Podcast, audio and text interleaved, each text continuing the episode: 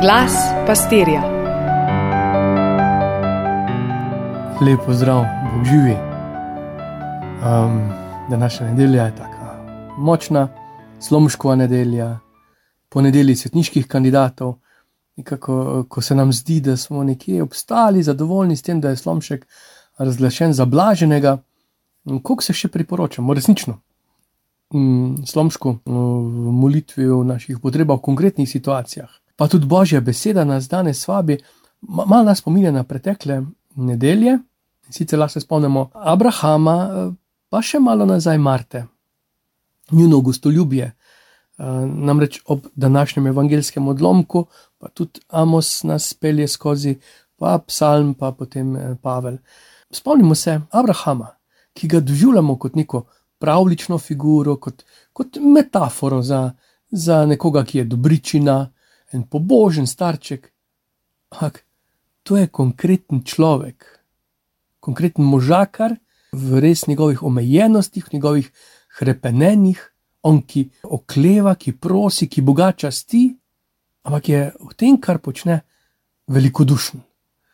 Pa hkrati imamo Marto, je skrbna, pridna, vestna občutek, mogoče smo krivični, ampak tako malo nergava, dosledna, zaposlena, raztresena, upravi veliko, spregleda bistveno, posplošeno razmišljanje.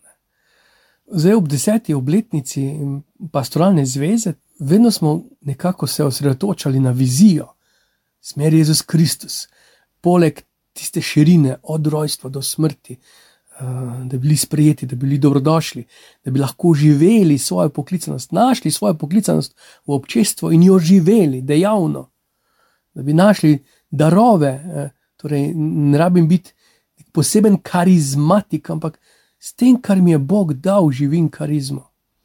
Ja, in to vizijo lahko mi natisnemo na transparente, lahko jo znamo na pamet, tudi zdaj jo lahko praznujemo, ampak če ne živimo, če skozi njo ne krepenimo, smo v velikodušnosti ali pa smo v strahu, v negotovosti. Abraham gre Bogu naproti, oziroma ne gre proti, teče. Marta po drugi strani pa nima nikogar, ki bi ji pomagal. Vse moram sama, če jaz ne naredim, se nič ne naredi, in tako naprej. Ja, torej, ob teh desetih letih pastoralne zveze se, se, se crkva ni začela zdaj, ne, Kristusova. Prav je, da pogledamo, da vrednotimo, da praznujemo, da smo v hvaležnosti. Lahko pa je nevarno, kaj vse smo naredili mi zdaj, tako kot prejšnji, ne? mi zdaj kakšne šotore smo postavili, oni kakšne temple smo zgradili, gradove, utrdbe. Ampak nikogar več ni, ne, kot Abraham, ki je čakal pri vhodu, ali kakor Marta, ki bi vabil imamo vozni red in protokol, in tako naprej. Danes se srečamo z to zgodbo, ki jo Jezus pripoveduje o bogatinu, ki nima imena. Ime pomeni osebo, pomeni pravico bivanja, več kot dostojanstvo. No, v krstu potopljeni v Kristusa, utopljeni, ne, celo tako, dobimo ime. Nekako postanemo odporni na smrt s Kristusom, ker smo že umrli v Kristusu svobodni smrti. In bogatin, tako rekoč, ime dobiva iz bogatstva. Njegova osebnost je iz bogatstva. Sem šel malo brskati med tistimi, ki so zdaj ne bogataši, ampak taki bogatini, influencerji. Neverjetno. Nikogar nisem poznal, iz Brazilije nek komik, potem neka blogerka, make-uperka. Ehm, pa, pa in taki razni YouTuberi in podobni.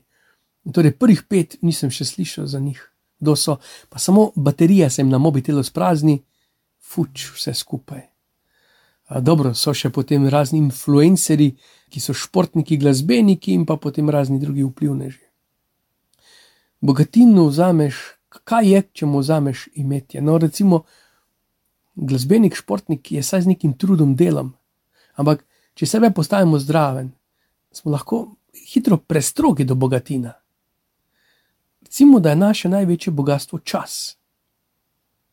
Pa samo pogledam, koliko recimo, kam sem ga vložil v preteklem tednu. Koliko za zdravje, koliko za počitek, koliko za prijatelje, pa koliko za oboge, konkretno. Koliko sem bil v tišini, koliko časa sem namenil branju dobrih knjig, koliko časa sem namenil molitvi v resnici.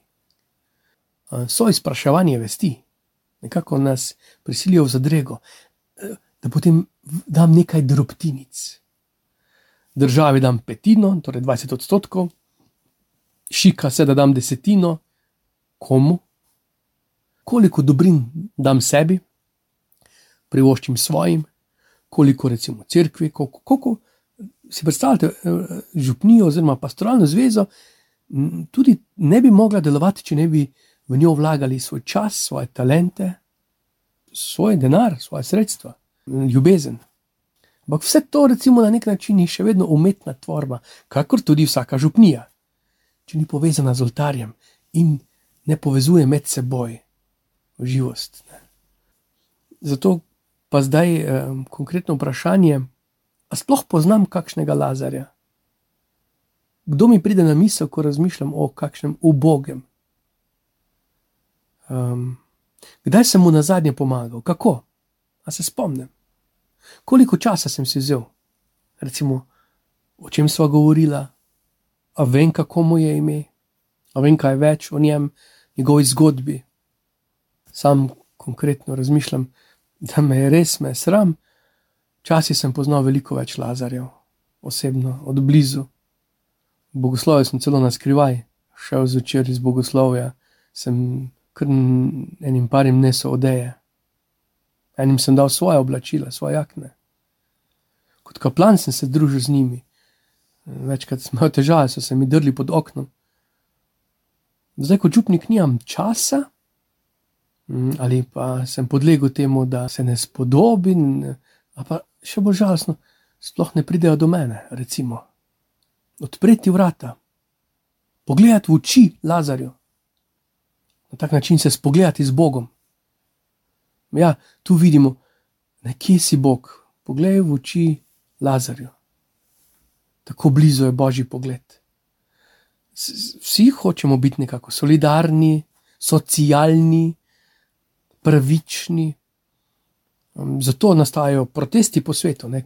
Spomnimo se malo nazaj, kmetje na Nizozemskem, pa, pa, pa potem razni protesti za pravičnost, enakopravnost od Amerike pa do Šrilanke, kjerkoli Iran zdaj, ko se borijo za življenje, pa ni isto, ne? ampak eh, razni protesti pred parlamenti za spremembo zakona, ustave, razne odločb.